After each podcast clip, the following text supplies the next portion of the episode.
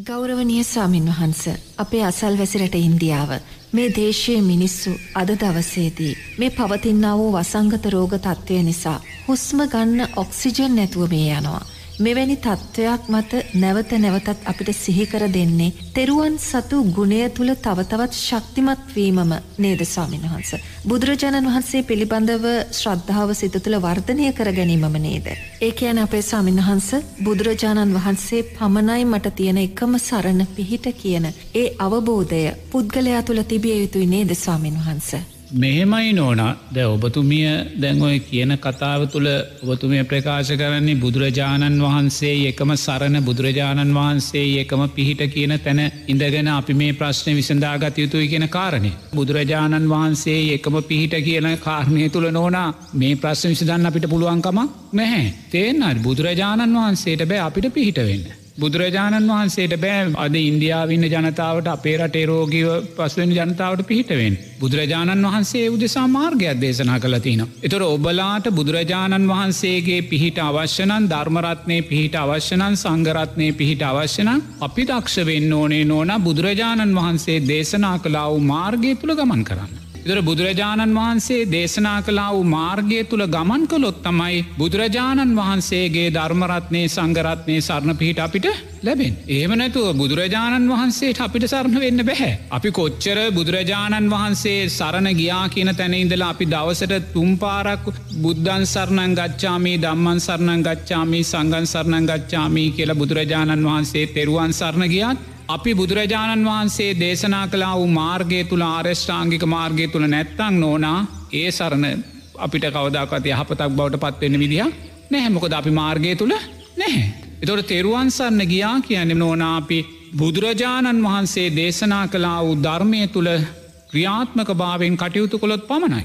බුදුරජන් වහන්සේ බොහොම පැහැදිලිව දේශනා කරලා තියෙනවා මම ඔබලාට වග කියන්නේ. මම ඔබලාට වග කියන්නේ මම යම් ගොදුරු බිමක් ඔබලාට දේශනා කළතිනවා.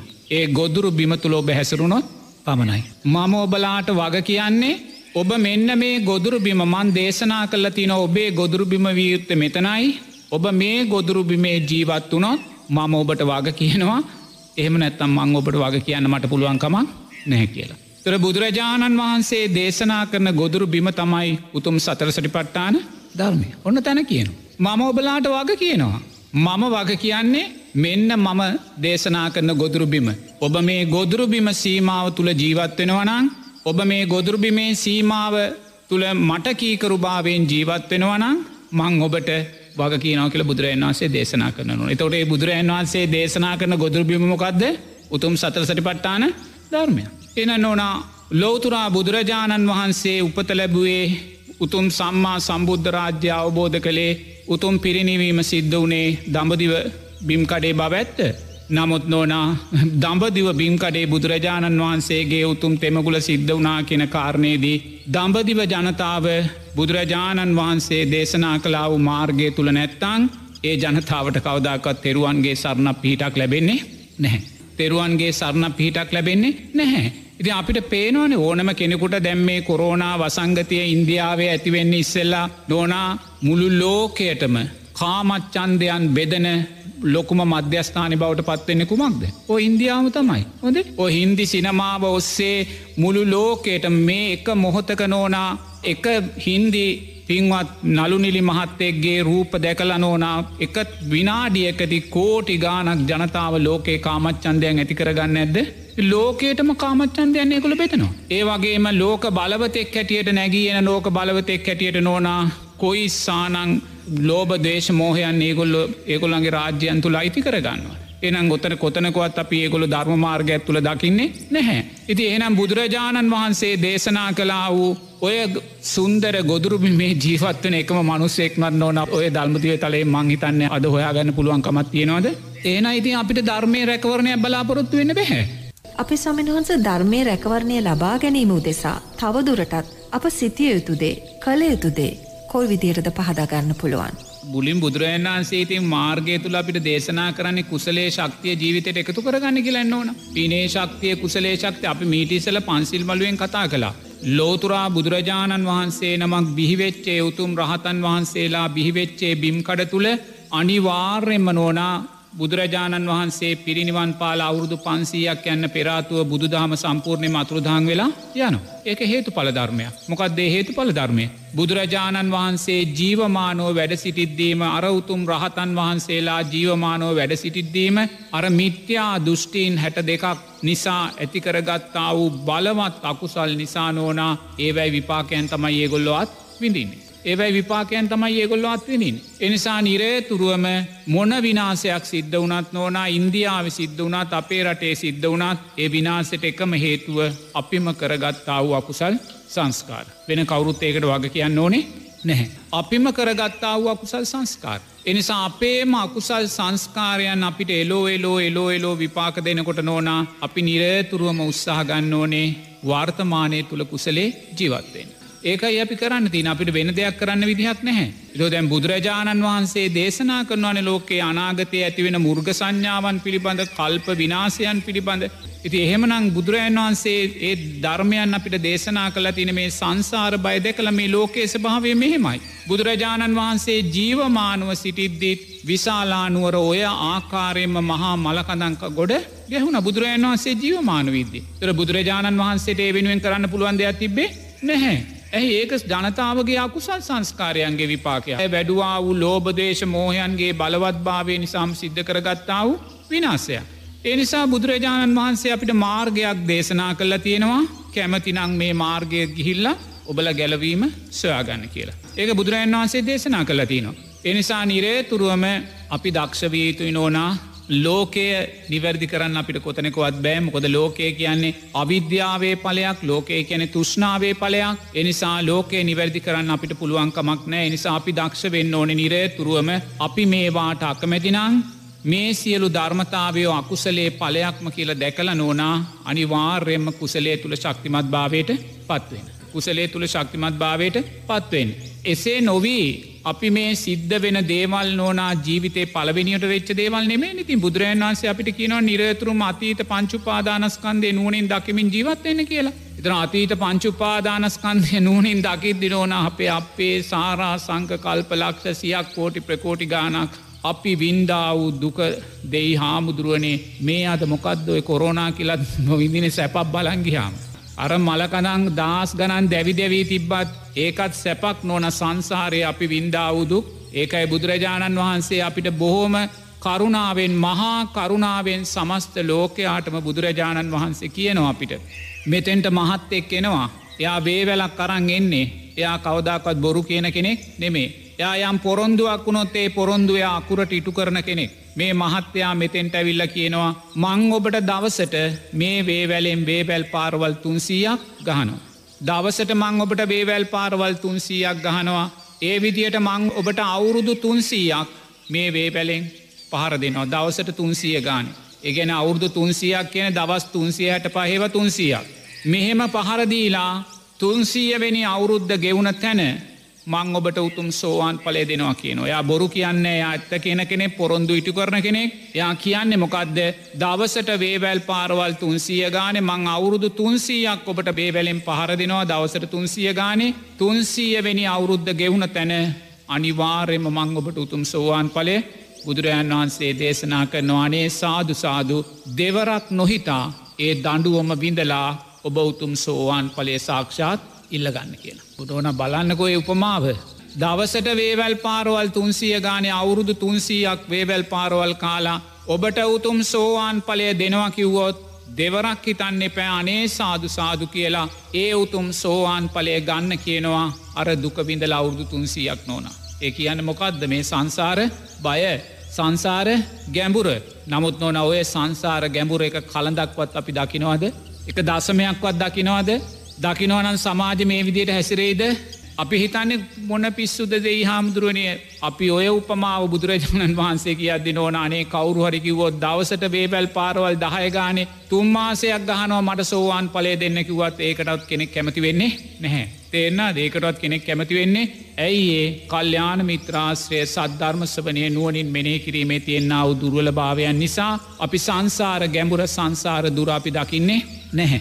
එනිසා බුදුරජාණන් වහන්සේ මේසා සංසාර බයක් අපිට දේශනා කරන්න නෝනා අපි නිකමට හෝ මරණාසන්න මොහොතේ දේශසිතක් සකස් වෙලා. තේෙන්න්නද දැන් අපි බලන්නකෝ දැම් මේ කොවිඩ් අනතුර නිසා අප්‍රමාණ පිරිස් නෝනා රෝගී භාවයට පත්වෙච්ච පිරිස් හිත විසිලාතිීන්.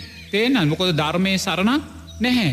එගොල්ල එහෙම දෙයක් හිතුවේ නැහැ. තේන ධර්මය සරණක් නෑ විනෝද වනා ප්‍රීති වුණා සතුටුනා විතරයි අර වගේ රෝගාබාධයක් වෙනකොට මේ දරුණු වෙන බව පේනකොට නොනා ගැටෙන හිතෙන් ඉන්නේ. විසිරිච්ච හිතෙන් ඉන්නේ. ධර්මයක් සිහිකරගන්න තේරුමක් නැහැ. අනාගත පංචුපාදානස්කන්දය කරේ තුෂ්නා වැඩි.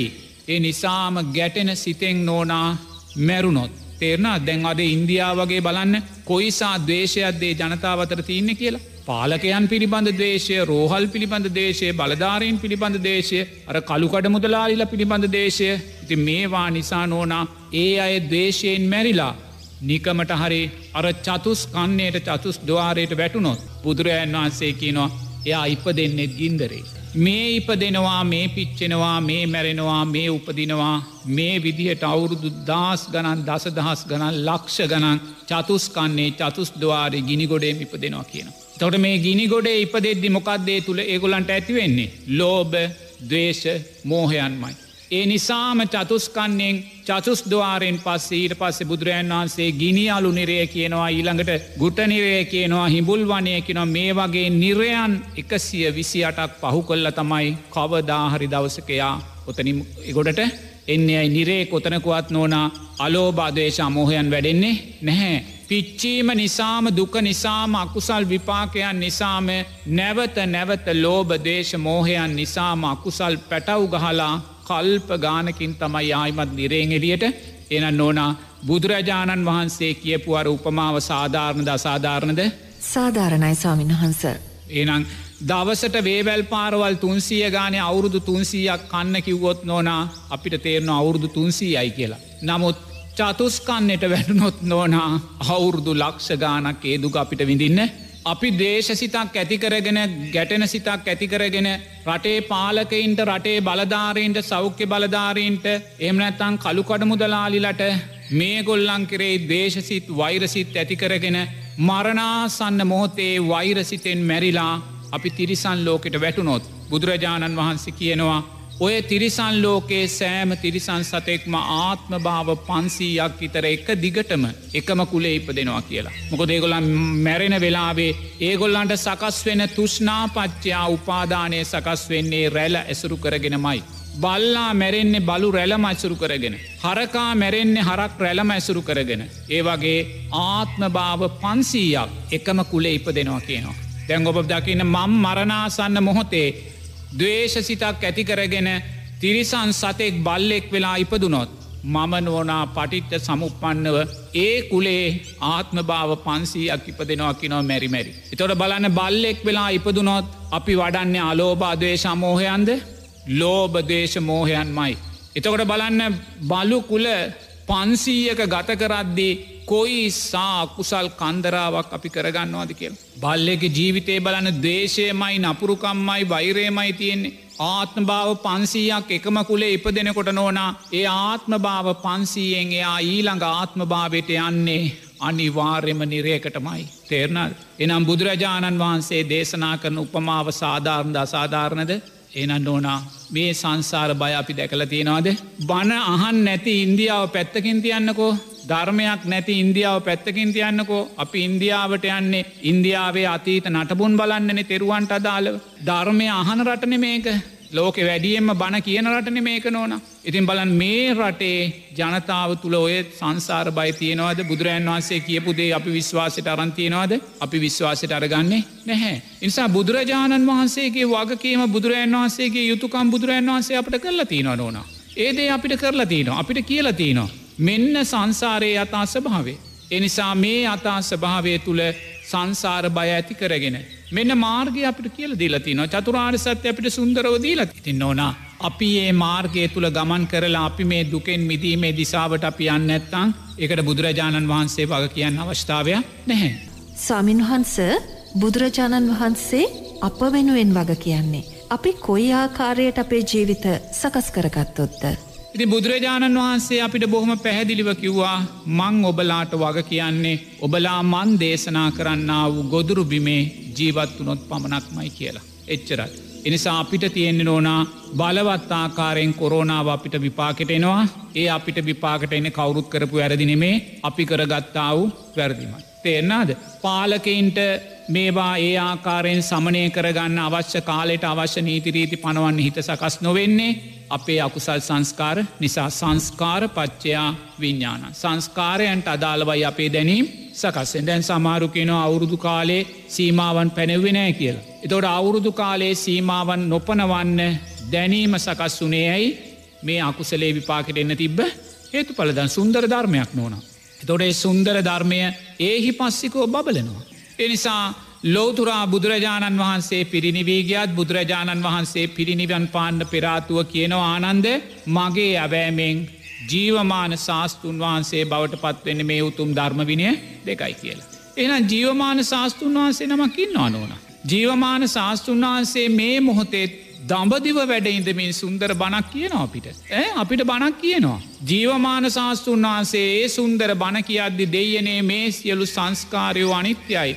මේ සියලු සංස්කාරය අනිත්‍යයි මේ අකුසලේ විපාක මේ අකුසලේ තින රුදුරුභාවය මේ මේ ජීවිතේදීම අපි දකින්න වූ අකුසලේ රුදුරුභාවය කියලා මේ අකුසලේ අපිට මේ විදිහට ඒහි පස්සිකෝ මතු කර කර තමන්ගේ සුන්දර ධර්මදේශනාවෙන් ප්‍රකට කරද්දිත් නෝනා අපි ඒ විනාසයන් දැකලා ආයිමත් ලෝබදේශමෝහයන්ම වඩාගන්න. අපි ආයිමත් ලෝබදේශමෝහයන් වඩාගන්න.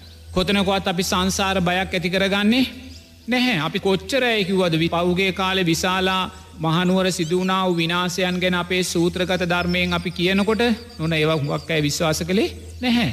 එහෙම කොහ වෙන්න දොක්කම නගරයක් විනාස් වෙන්න කොමදුව විශ්වාස කළේන ඒව හාසියට ලක්කරපුයයින්. එතොඩේ විශාලා මහනුවර දුර්භික්ෂය බුදුරජාණන් වහන්සේ රත්න සූත්‍රය දේශනා කරලා යහපත් ආකාරයෙන් නිවැරදි භාවයට සුවපත් භාවයට පත්වෙද්දේ ඒවත් හාස්‍යයට ලක්කරපු අප්‍රමාණ පිරිස් හිටිය. ඉති ඒ නිසා නොහනා ඒවා වැඩිය මහාස්‍යයට ලක් කළේ අපි නෙමේ ඉන්දිය ජන සමාජම ජීවත්වෙන මනුස්්‍යයෝ. එනිසා ඉතින් මේ විපාක දෙන්නේ අකුසලයක් ඒ අකුසලේ නෝනා කවුරුත් කරපු දෙයක් නෙමේ අපි අපිම කරගත්තාව එක හොඳට තේරුම් ගන්නවන්. මම හෙට කොරෝනා අකුසලේ වැළඳුනොත් මං ඒකට කාටවත් ඇගිල්ල දික් කරන්නේ නැහැ. හෙටමට ඔක්සිජන් නැතුව මං අපවත් වනොත් මං ඒකට කාටවත් ඇගිල්ල දික් කරන්නේ නැහැ ඇයි එහෙම අපුවත් වෙන්න හේතුවත් මං සංසාරය කලා වූ අකුසල් සංස්කාරයක්මයි. මොකද අපි සංසාරයේ පාලකයෝ වෙලා අපි සංස්කාරයේ බලධාරීන් නිලධාරීන් වෙලා අපි සංසාරයේ දොස්තර මහත්තුරු වෙලා අපි සංසාරයේ ව්‍යාපාරිකයෝ වෙලා අපි සංසාරයේ අෞෂධ නිෂ්පාදකයෝ වෙලා නොන අපි කරගත්තා වූ අකුසල්.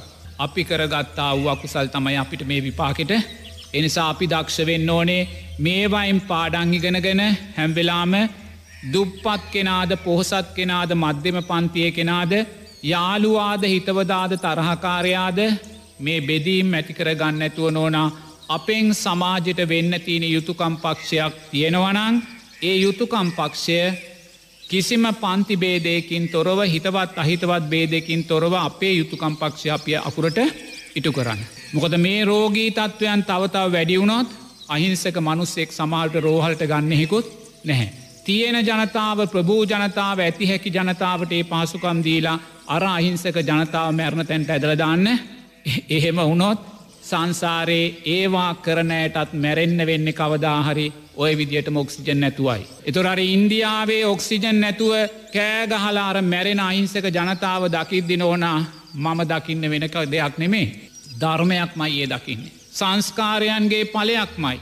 ඒ ඉන්දියාවේ ඔක්සිජන් ටික නැතු අවසාන මොහොතේ මට ඔක්සිජන් දෙන්න කියලා කෑගහගෙන මැරෙනේ අහිංසක මනුස්සයා පෙර ජීවිතයක සුන්දර පාලකෙක් මයි නෝනා. සුන්දර නිලධාරියෙක් මයි සුන්දර බලධාරියෙක් මයි සුන්දර වෛද්‍යවරයෙක් මයි සුන්දර රෝහල් අයිතිකාරෙක් මයි ඒගොල්ලෝ එදා තමන්ටේ ලැබුන් නිලතල ඒගොල්ල නිවැරදිව භාවිතා කළේ නැහැ. ඒගොල්ලන්ගේ පන්ති ආරක්ෂා කරන්න ඒගොල්ලන්ගේ පවුල ආරක්ෂා කරන්න ඒගොල්ලන්ගේ හිතවතුන් ආරක්ෂා කරන්න ඒගොල්ලන්ගේ ආරක්ෂා උදෙසා පොදු දේපල යොදාගත්තා මිසක් කවදාකත් ලෝකයා ගැන අහිංසකින් බැන් බැලුවේ එනිසා ඒ විපාකයන් හැටියට මේ ජීවිතයේ දුප්පත් තැනක ඉපදිලා මරනාසන්න මොහොතේ මට ඔක්සිජන් දෙන්න කියලා කෑ ගහගෙන මැරෙන්නේ ගොල්ලන්ට අද සිද්ධ වෙලා එන ඕන ධර්මය එහි පස්සිකයි විවෘතව බබලනවා. ඉන්දියාව දිහැ බලන්න අපේ රට දිහැ බලන්න. ධර්මයයි බබලන්නේ අධර්මය නම් නෙමේ. ධර්මයයි බබලන්නේ අධර්මය නෙමේ ධර්මය ස්වක්කාතයි බොහොම සරලයි පැහැදිලි. අපිට බෝම විවෘතව පේනවා හැමතැනම ධර්මය ස්වක්නාත ගුණය සරලව පැහැදිලිව අකුසල් විපාක දෙන ස්භාවය අපිට පේනවා. මේ ජීවිතේදීම අකුසල් විපාක දෙනවා අපිට පේනවා. ආයිමත් මුර්ග සංඥා වෙනකං ඉන්න ඕනෙ නෑ. ලෝක කල්ප විනාසයන් දක්වා ඉන්න ඕනෙ නෑ. එනිසා අපි මේ අපි දකින්නේ ධර්මය එහි පස්සික ගුණය ධර්මය කියන්නේ අපි කලා වූ අකුසලේම අපි වැඩුවා වූ අධර්මයම ඒ පස්සික ගුණයයි. තේෙන්න්නත්. එසේ නිසා සුන්දර ධර්මයක් අපිට පේනෙ ධර්මයක් තිය දකින වෙලාවේ නෝනා අපි මොකක් දේ තුළින් කරන්න ඔන් සතිය සී ඇති කරගන්න. මේ ධර්මයක් දකින්න. ජීවමාන බුදුරජාණන් වහන්සේ වන උතුම් ධර්මවිනය ඒ ජීවමාන බුදුරජාණන් වහන්සේ හැටියට සුන්දර ධර්මයක් දේශනා කරලා තියනවා. මෙන්න බලන සංස්කාරයන්ගේ වියරු භාවේ නිසානේ අකුසල් සංස්කාරයන් කරන්න එපා. ලෝබ දේශ මෝහයන් වඩන්න එපා. තේරන්නද ඉන්දියාවට කියනවා ලෝබ දේශ මෝහයන් වඩන්න එපා ඒගොල්ලො ලෝක බලවතෙක් හැටියට කොයිසා ලෝබ දේශ මෝහයන් වඩනවාදි කියල බලන්නකු.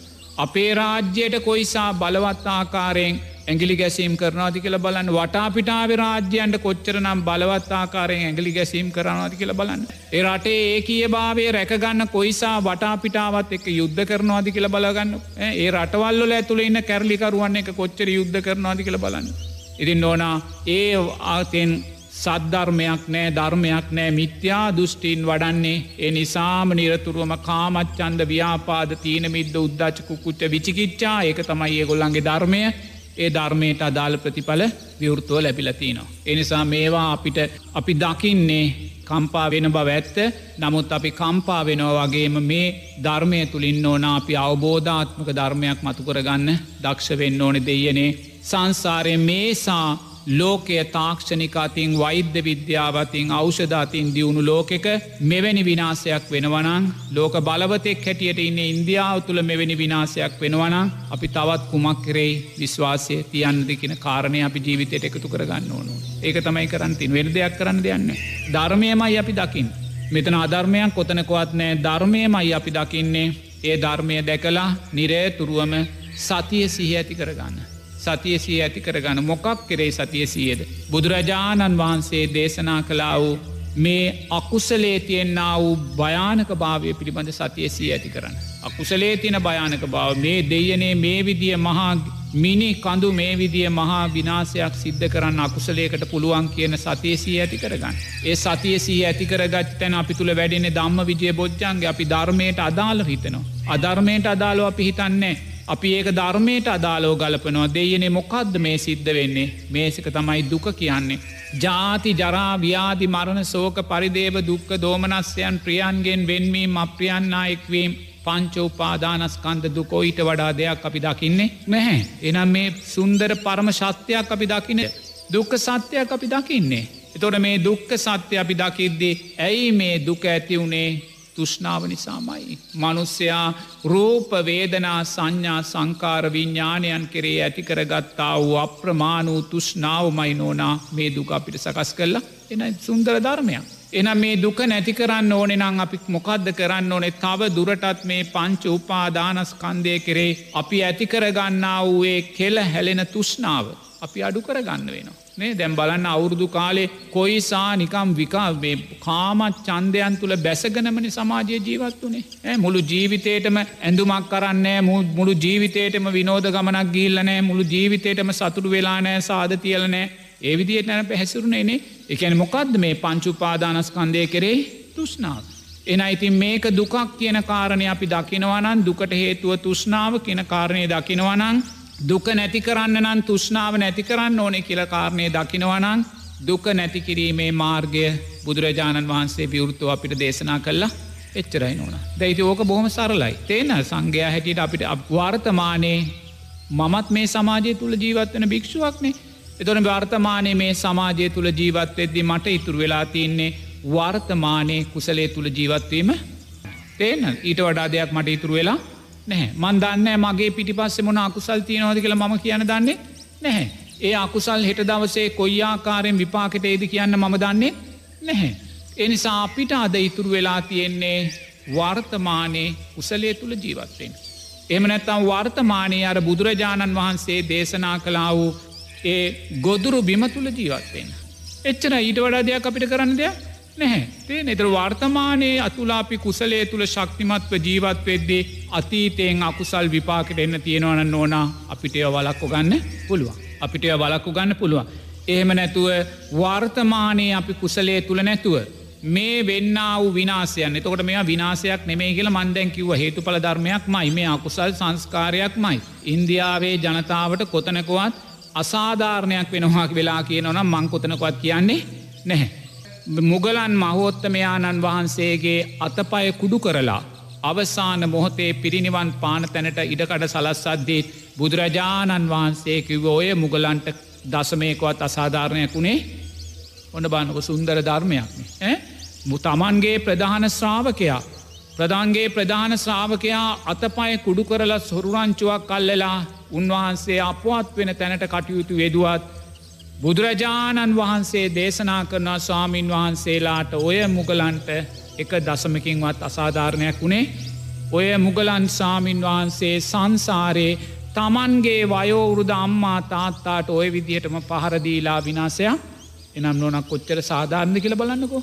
එන අද බුදුරජාණන් වහන්සේ ජීවමාන බුදුරජාණන් වහන්සේ වැඩහිටියනං උන්වහන්සේ දිවසින් දැකලා අතීත පූර්වේ නිවාසානු සිඥාන සම්බැදිලා මේ ජනතාව කරගත්තා වූ අකුසල් දැකලාතීතේ කියයි අද ඉන්දියාවේ සිදුවෙන කිසිම දේක දස්මයෙක්වත් අසාධාරණයක් නැහැ. තේන්න දෙක තමයි ධර්මය. තේරනාද. ඉති ඔය ධර්මය අපි කවදාරි විශ්වාස කරපු දාට තමයි අපිට ඔය දුකෙන් මිදීම මාර්ගයට අපිට මතු කරගන්න පුළුවන්. තේන්න දේනිසා අපිට අද ඉතුරු වෙලා තියන එක දෙයයි ඒ ඉතුරු වෙලා තියන එක දේ තමයි වර්තමානයේ කුසලේ තුළ ශක්තිමත්වෙන්න. අපිට අර ගොදුරු බිම වන සතර සටිපට්ටානේ පැත්තට යන්න තාම අපිට අපහසුනං අපි දක්ෂ වෙන්න ඕනේ ආර්යෂ්ඨාංගික මාර්ගය තුළ දසකුසල් ධර්මයන් තුළ ජීවත්වන තැනට පත්වෙන. එතෝඩේ දසකුසල් ධර්මයන් අපේ වර්තමානය තුළ වැඩෙද්දී අපිට අකුසල් විපාකට එන්න තියනවනන්න ඕනා කවදාක්වතේ අකුසල් පරාජය වෙනවා මිසක් අපි ඔය යට කරන්න බෑ නමුත් බලවත් අකුසල ඇත්තිනො අපි යට කරයි. අපේ ස්වාමින්වහන්ස ඔබහන්සේ විරාමයට යන්නට කලින් අපට කළ දේශනාව. බලවත් අකුසලයක් තිබුණොත් අපව යටපත් කරගනී කියන කාරණය. අපිට තවදුරටත් පැහැදිලි කර දෙනවනම් බොහෝ දෙනාගේ අවබෝධය දැන ගැනීම පිණිස ඉතාමත් වටිනවා. මෙහෙමයි දැන් අපි දකිනවන නොන දැන් සමහරු ඇවිල්ල මට කියනවා. ස්වාමින්නාස මගේ සහෝදරයා හොඳටම අසාධ්‍යයි. රෝහලේ ඉන්නවා. මගේ සහෝදරිය මෙහෙමයි කියලා තෝට අන්ගේ අනේ පුතේ මට පුළුවන් දුරකතන ඇතුවා කරන්න දෙන්න කියලා. අපි ඉතින් එයාට කතා කරලා එයාට සෙට් පතලා අභිවාදන සීලිස්ස කියලා ගාථාව කිව්වට පස්සෙන ඕන අර කතා කරන වෙලාවේ තිබ මානසිකත්වයක් පින්දීමෙන් පස්සෙ තියන මානසිකත්වයක් අහසයි පොළොවයි වගේ. මොකද කතා කරද්දී එයා කතා කරන්නවත් එයාට වචන ගලපගන්න බැහැ. නමුත් පින්දීල අවසන් වෙද්දී එයාට එක පාට්ට ජීවයක් ඒ ඒක මේ මම දුන්න දෙයක් නෙමේ නොනා. එයා තුළින්ම එයා ධර්මය එතනති මතු කරගන්න. එයා තුළින් මෙයා කුසලයක් එතනදී. නමුත් එයාට මෙච්චරලායක මතු කරගන්න පුළුවන්කමත් තිබේ නැහැ. නමුත් ම දුන්න දෙයක් මට නොන මට හෙම්බිරිස්සාාවක් ඇදුනොත් මට ඒක හොඳ කරගන්න බැහැ. ඇත්ත කියන්න එපේ. මට බඩේ අමාරුවක් අදනොත් මට ඒක හොඳ කරගන්න බැහැ. මංගේකට බෙහෙතම් බොන්න ඕනේ. එකන මගේ අසනීපයක්වත් මට හොඳ කරගන්න පුළුවන්කම නැහැ. එනිසා මගේ අසනීපයක් මට හොඳ කරගන්න බැරන්න ඕන මට අනුන්ගේ අසනීප හොඳ කරගන්න බැහැ. නමුත් සංඝයා හැටියට අපිට එක දෙයක් කරන්න පුළුවන්. ඒ මොකද සංඝයාට කරන්න පුළුවන්දේ අපිට ඕනම කෙනෙක්ගේ කුසල් ශක්තිය වැඩි කරලා දෙන්න පුළුවන්. ධර්මයට මොහොතක් හිතයොමු කරලා ආශ්‍රිවාද ගාථාවක් කියලා සංස්කාරයන්ගේ අනිත්‍ය භාවය කියලා ඒ තුළ විශ්වාසයක් ඇති කරලා එයාගේ කුසල් ශක්තිය අපිට වැඩි කරල දෙන්න පුළුවන් එතොට ඒ කුසල් ශක්තියෙන් එයාට නිරෝගී භාවයට පාරකපාගන්න පුළුවන්. එහමනතු අපිට ලෙඩහොඳ කරන්න බෑ. මට හෝ කවරුහෝ සංග සමාජය කාටවත් ලෙඩහොඳ කරන්න පුළුවන්කම අපේ ලෙඩතත් අපි බෙහෙත් ගන්න. බුදුරජාණන් වහන්සේට හැදුනා වසනේ පොල්ටත් බුදුරජාණන් වහන්සේ බෙහෙත් ගත්ත නමුත් උන්වහන්සේටවත් උන්වහන්සේට ඒ අසනේ පොහොඳ කර ගැනීම හැකියාවත් තිබේ නැහැ. අධ්‍යාත්මික ශක්තිය යටපත් කර ගැනීම හැකියාව තිබ්බත් පූර්ණ වශයෙන් සූපත් කරගන්න අවෂද ගත්ත. එන නොනා අපි කෙනෙකුට ආසිරිවාද කරද්දේ එයා තුළින් එයා ධර්මය ශක්තිය විශ්වාසය ඇති කරගන්නවා. ඒ විශ්වාසය ඇතිකර ගනිද්දී එයා තුළින්ම තිබ්බා වූවර රෝග බිය අයින් වෙලා නෝනා ඒ මොහතේ මෙයා තුළ සප්ත බොජ්ජන්ගයන් වැඩ නො දැ මෙච්චරලායා කොතන්ද හිටියේ විසරුණාව හිතෙන් පංචනීවරණ තුළයි හිටියේ බියත් එක්ක තැති ගැනීමත් එක සැකයත් එක්ක. නමුත් අපි අර ධර්මයෙන් යාට ආසිරිවාද කරද්දේ අන්න සිහිය පීටන අනේ බුදුරජාණන් වහන්සේගේ ධර්මය බුදුරජාණන් වහන්සේගේ ශ්‍රාවකෙක් බුදුරජාණන් වහන්සේ කරේ විශ්වාසය ධර්මරත්නය කරේ විශ්වාසය සංඝයා කරේ විශ්වාසයට ඇති වෙනවා. ඒ විශ්වාසය තුළයා නැගී හිටිනවා. කුසලේ. ඒ කුසලේ නැගී හිටිද්‍යයා තුළ ප්‍රීතිය පස්සද්ධිය සකස් වෙනවා.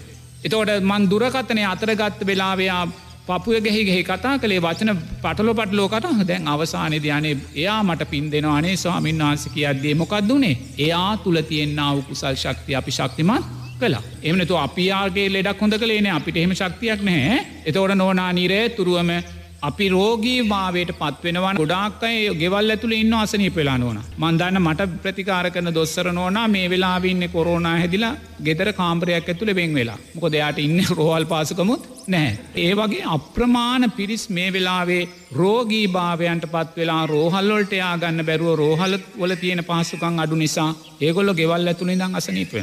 කොල් නිරෝධායනය වෙන අප්‍රමාණ පිරිසින්නවා. ඉතින් ඕනා මේ වෙන අය හුඟාක් උත්සාගන්නේ හැම වෙලාම පංචනීවරණ තුළම ජීවත්වෙන්. පංචනීවරණ තුළම ජීවත්. ඇස නිත්‍යයි කියල ගන්නවා කණ නිත්‍යයි කියල ගන්න නාසේ නිත්‍යයි දිව ශරීරය මනස නිත්‍යයි මේක සදාකාලිකයි මේක නිරෝගීමයි මේක රෝගී වෙන්න බෑ මම ජීවත්ව වෙන්න ඕනේ කිය කියා නිත්‍ය සංඥාවෙන්ම කාමත් චන්දයන් තුළම ජීවත්වෙන්. ව්‍යාපාද කේන්ති ඇති කරගන්න. බලධාරීන් කෙරේ කේන්ති ඇති කරගන්න සෞඛ්‍යංශ කරේ කේන්ති ඇති කරගන්න ආරක්ෂකංශ කරේ කේන්ති ඇති කරගන්න. එනිසා නිරේතුරුව දේශය ව්‍යාපාදය තුළ ජීවත්වෙනවා. ඒ නිසාම අලසගතිය නිදිමතගතියෙන් පිරිල ජීවිත. ප්‍රකෘතිභාවයක් නෑ ප්‍රීතියක් නෑ පස්සද්ධයක් නෑ. ඒ නිසාම සැකේ ඇති වෙන යනේ බුදුරජාණන් වහන්සේ සැක කරන ධර්මයක් සැක කරන ඇයි අපිට මෙහෙම වෙන්නේ. ඇයි අපිට මෙහෙම වෙන්නේ කියලා කියද්දිම තෙරුවන් කෙරේ සැකය ඔහු ඇති කරගත්ත වෙනවා. ඇයි අපිට මෙහෙම වෙන්න කියලයාට හිතන්න අයිතියක් නැහැ. ඇයි අපිට මෙහෙම වෙන්න කියනවා නං කවුරුහරි ඔබ මොනම හේතුවක් නිසාවත් මේ මොහොතේ කොරෝනා රෝගය හැදිල නැත්තන් නිරෝධායනය වෙන කෙනෙක් නං ඔබට අවශ්‍ය වෛද්‍ය පහසුකන් දුර්වල භාවයෙන් පෙළෙන කෙනෙක් නං අගහිඟකං වලින් පෙනෙන කෙනෙක් නම් බෙහෙත් නැතිව දුක්විඳන කෙනෙක් නං ඔක්සිජන්ටික නැතුව ඉන්න කෙනෙක් නං ඔබ කිසිම වෙලාකුවත් හිතන්න එපා ඇයි මට මෙහෙම වෙන්න කියලා. ඇයි මට මෙහෙම වෙන්න කියන තැනදී ඔබ සැක කරන්නේ තෙරුවන් මයි ඒක තේරුම් ගන්න. ඔබ හිතන්න ඕනෙ දෙයනේ මට මෙහෙම වෙන්නේ මගේ අකුසලයක් නිසාමයි අන්න තෙරුවන් සරණ ඔබ පිහිටිය කෙනෙක්. එතනයි ඔබ සෙරුවන් සරණ පිහිටන්නේ. එම නැතු ඔබ ලෙඩ ඇඳට වෙලා දුක්වෙවී අඩාඩා දොඩ දොඩා ලෝකෙටම බැන බැන අපිට අවශ්‍ය ප්‍රතිකාරණය අපිට අවශ්‍ය ඔක්සිජන්නේ අපි ගැන හොයන්නේ නෑ අපි ගැන බලන්නේ නෑ ඔය කියන මොහොතක් පාසා ඔබ ඔබටම චෝදනා කරන කෙනෙක් බවට ඔබ ඔබේම අකුසලයට චෝදනා කරන කෙනෙක් බවට පත්වෙන. එනිසා ඔබ මොනස්සා පීඩනයන් තුළ ජීවත් වනාත් ඇයි මට මෙහෙම වෙන්න කියලා ඔබ හිතන්න එපා අහන්න එපා ඒ අහන වෙලාවේ ඔබ තෙරුවන්ම සැකයට ලක්කර ගත්තා වූ අවාසනාවන්තෙක් වෙන. එනිසා නිරේතුරුවම ඔබේ රෝගී භාවය ඔබේම සංස්කාරයක් ඔබම සතුටෙන් කරගත්තා වූ අකුසල්වල විපාකයන් ඔය රෝගී භාවයන් හැටියට එන්නේ. එනිසා ඔබේ දේ ඔබ සතුටෙන් පිළිගන්න. ඔබේ දේ ඔබ සතුනෙන් පිළිගන නිරේතුරුවම සතියසී ඇති කරගන්න ධර්මය කෙරෙයි බුදුරජන් වහන්සේ දේශනා කරනවා සතර එර්දිපාද වඩන්නාට ආයුෂ දීර්ග වෙනවා කියලා. මරණී අනතුරු වෙන්නේ නෑ සතර එර්දිපාද වඩන කෙනාට. එනිසා නිරේතුරුවම ඔබ චන්දය වීරය චිත්‍යය විමන්සා කියන මේ සතර එර්දිපාද ධර්මයන් ජීවිතයට වැඩෙනාකාරයෙන් ජීවත්වෙන්න මේ මොහොතේත් ඔබ නිරෝධායනය වෙනව කෙනෙක් වෙන්න පුළුවන්. කොරෝනා රෝගය හැදිලා ඔබ රෝහල් ගතව ඉන්න කෙනෙක් වෙන්න පුළුවන්. ඔබ කොරෝනා රෝගය හැදිලා ගෙදරම ඉන්න කෙනෙක් වෙන්න පුළුවන්. හැම කෙනෙක්ම කල්පනා කරන්න ඔබේ ජීවිතයට අනතුරක් කියල තේරෙනවනං ඒ අනතුරට වගකියයුත්තේ ඔබමයි පටිච්ච සමුපන්නව රජය නෙමේ සෞඛ්‍ය බලධාරින් නෙමේ ආරක්ෂකාන්ස නෙමේ කළුගඩ මුදලාලිල නෙමේ ඔබම සංසාරය කලා වූ අකුසලයල් විපාකයි ඔබ නිරේතුරුවම චන්දය ඇති කරගන්න. චන්දය කැන කැමැත්ත. කුමක් කෙරේ කැමැත්තද. කුසලය කරේ කැමැත්ත. දසකුසල් ධර්මයන් කරේ කැමැත් ඇති කරගන්න. බුදුරජාණන් වහන්සේ දසකුසල් ධර්මයන් මේ ලෝක ධාතුවට සක්විති රජ කෙනෙක් පහල කරන්නේ නෝනා දසකුසල් ධර්මයන් කියල බුදුරජන් වන්සේ දේශනා කරන. දසකුසල් සක්විති රජ කෙනෙ. මේ ලෝකධාතුවේ ලෝතුරා බුදුරජාණන් වහන්සේ නමකට තියෙන දෙතිස් මහා පුරුෂ ලක්ෂණයන් පවතින තවත් සුන්දර චරිතයක් තමයි සක්විති රජ කෙනෙ කියන්න. තියෙන දෙතිස් මහා පුරුෂලක්ෂණයන් පහල වෙන සක්විති රජ කෙනෙකුට. ඒ වගේ අප්‍රමාණූ සම්පත් පහල වෙනවා සක්විති රජ කෙනෙකුට. එතවට ඒ සක්විති රජ සැප එයාට ලබල දෙන්න වෙන දෙයක් නෙමේ උතුම් දසකුසල් ධර්මයන් මයි කියල බුදුරජාණන් වහන්සේ දේශනා කළ. දසකුසල් ධර්මයන්. සක්විති රජකම් අවුරුදු අසූ හතරදාහක් දීර්ඝායුෂ නිරෝගී භාවයාට ලබල දෙනවා. බලනක කොයිසා සුන්දර ධර්මය ඇති තියෙනවාද කියලා. නමුත් අපි ඒ ධර්මමාර්ගය තුළ ගමන් කරනවාද. අනේ බුදුරජාණන් වහන්සේ දසකුසල් ධර්මයන් තුළින් සක්විති රජ කෙනෙක් බිහි කරනවා කියලා කියලා තියෙද්දේ. අපේ ලංකාවේ හෝ ලෝකෙ හෝ කවුද නෝනා අනේ මේක මම ජීවිතය තුළින් අත්දකින්න ඕනේ කියලා හෝ යන කෙනෙක් ඉන්නවාද.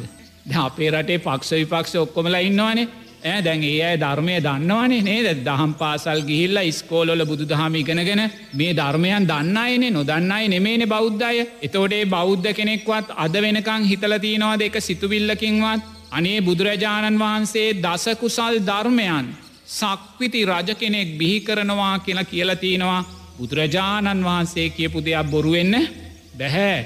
එනිසා මම මගේ ජීවිතයෙන් දසකුසල් ධර්මයන් තුළින් මන් සක්විති රජ පදවිය බැරිවුණොත් ඉම් මෙහා හරි සුන්දර තැනක් ලබනවා කියලා දසකුසල් ධර්මයන්ට තමන්ගේ ජීවිත පරිත්‍යයා කරපු කෙනෙක් ඉන්නවද නොන එහෙම කවුරුවත් නෑ ස්වාමින් වහන්ස. බුදුරජන් වහන්සේ අපිට විශ්වාස දේ කියන්නේ. එහෙම විශ්වාසයක් නැති බවක් නේද අපේ ස්වාමින් වහන්ස පේන්නේ. එහෙම විශ්වාසයක් නැහැ. තාම අපිට විශ්වාසයක් නැහැ. විරාමයට යන්නට කලින් ඔබහන්සේ අපිට කරන ලද පැහැදිලි කිරීම සම්බන්ධවමයි මේ ප්‍රශ්නය අපේ ස්වාමින් වහන්ස. පාලකයෝ වගකිව යුත්තෝ. මේ බොහෝ දෙනාට බුදු දහම ගැන එහෙම දන්නේ නෑනේද ස්වාමින් වහන්ස. පුතේ බෝක දන්නති කෙනෙක් ඉන්න බෑදරුවෝ. දන්න කෙනෙක් හරි උත්සාගන්න පැබුතේ. පුතේ මං භික්ෂුවක්නේ මම භික්ෂුවක්. මං පැවිදිවෙන්න මුලින්මගේ අවුරුදු විසි හතරේතර මන් දවස් දහයෙන් ගිහිල් හැරිලා එනවා මොකද ම දැනගත් මට එදා පැවිද්ද සාතක වෙන්නේ මොකද මාතුල අප්‍රමාණ කාමච්චන්දයන් ව්‍යාපාද තියෙන විද්‍යයන් තිබ්බා. එතර මං පැවිදිවෙන්නේ අවුරදු හතලිස් අතරෙදී. එතර පුතේ මම පැවිද්දට යන්නේ බුදුරජාණන් වහන්සේ කරේ විශ්වාසයෙන්. ධර්මරත්නය කරේ විශ්වාසයෙන් සංගරත්නය කරේ විශ්වාසේ. මම සද්ධර්මය ශ්‍රවනය කරද්දී මම දැනගත්තා බුදුරජාණන් වහන්සේගේ ධර්මය තුළ නොනම් මේ සුන්දර මාර්ගය තුළ මේ දුකෙන් මිදෙන මාර්ගය බුදුරජන් වහන්සේ ප්‍රත්‍යක්ෂ වචයෙන් අපිට දේශනා කරලා තියෙනවා. අතීතේ හිටියා උතුම් රහතන් වහන්සේලා උතුම් චතුරාර් සත්‍ය අවබෝධ කළ දුකෙන්නේ වුණා. අතීතේ හිටියා උතුම් අනාගාමී උත්තමයෝ කාමරාග පටිගයන් නිරෝධය කරලා එක මාත්ම භාවකට බවගමන සීමා කරගත්තා. අතීතේ හිටිය සෝවාන් උත්තමය උතුම් සෝවාන් පලේ සාක්ෂාත් කරලා උපරි මාත්ම භාව හතකට ජීවිතය සීමා කර ගත්තා. තො දැන් අපි ඒව කියව්වනේ. ඒවා කියවලා ඒවා අහලා ඒ ධර්මය සවනය කරලා අපි විශ්වාසයක් ඇති කරගත්තා. අනේ බුදුරජාණන් වහන්සේ දේශනා කල්ලා තියෙනවා මේ ජීවිතේදී මෞතුම් චතුරාර් සත්‍ය අවබෝධ කරන්න පුළුවන්. මේ ජීවිතේ මුතුම් අනාගාමී පලයන්ට පත්වවෙන්න පුළුවන් සකෘදාගාමී සෝවාන් පලයට පත්වවෙන්න පුළුවන්. මෙන්න මාර්ගය. නොන අපේ විශ්වාසයෙන් ජීවිත පරිත්‍යයාගෙන්ගේ මාර්ගට ආවන නොන. ඒ ජීවිත පරිත්‍යයාගෙන්ගේ මාර්ගට ආවන. එතොට ජීවිත පරිත්‍යයාගෙන්ගේ මාර්ගට ඇවිල්ල නෝනා අපි යම් බලාපොරොත්තුවක් මං යම් බලාපොරොත්තුවක් උතුම් පැවිදි ජීවිතය තුළ සාක්ෂාත් කරගෙන පැවිද්ධටාවන මංගේ මගේ බලාපොරොත්තු ඉටු කර ගත්තා. නමුත් ඒ ඉටු කරගත්ත සෑම බලාපොරොත්තුවක් මානිත්‍යයි කියල මම දන්න. නමුත් ඒ බලාපොරොත්තු කරාපියාව. ඒ ආවි කොහොමද බුදුරජාණන් වහන්සේ දේශනා කලා වූ ධර්මය විශ්වාස කරලා. එනම් ගිහි පින්වතුල්ලා තුළ විශ්වාසයක් තියෙන් ඕනේ. අපේ රටේ දේශපාලනය කන දේශපාලක්ඥයන් තුළ විශ්වාසයක් තිය නොන සද්ධාව තියෙනවන. අනේ බුදුරජාණන් වහන්සේ දේශනා කල්ල තියෙනවා.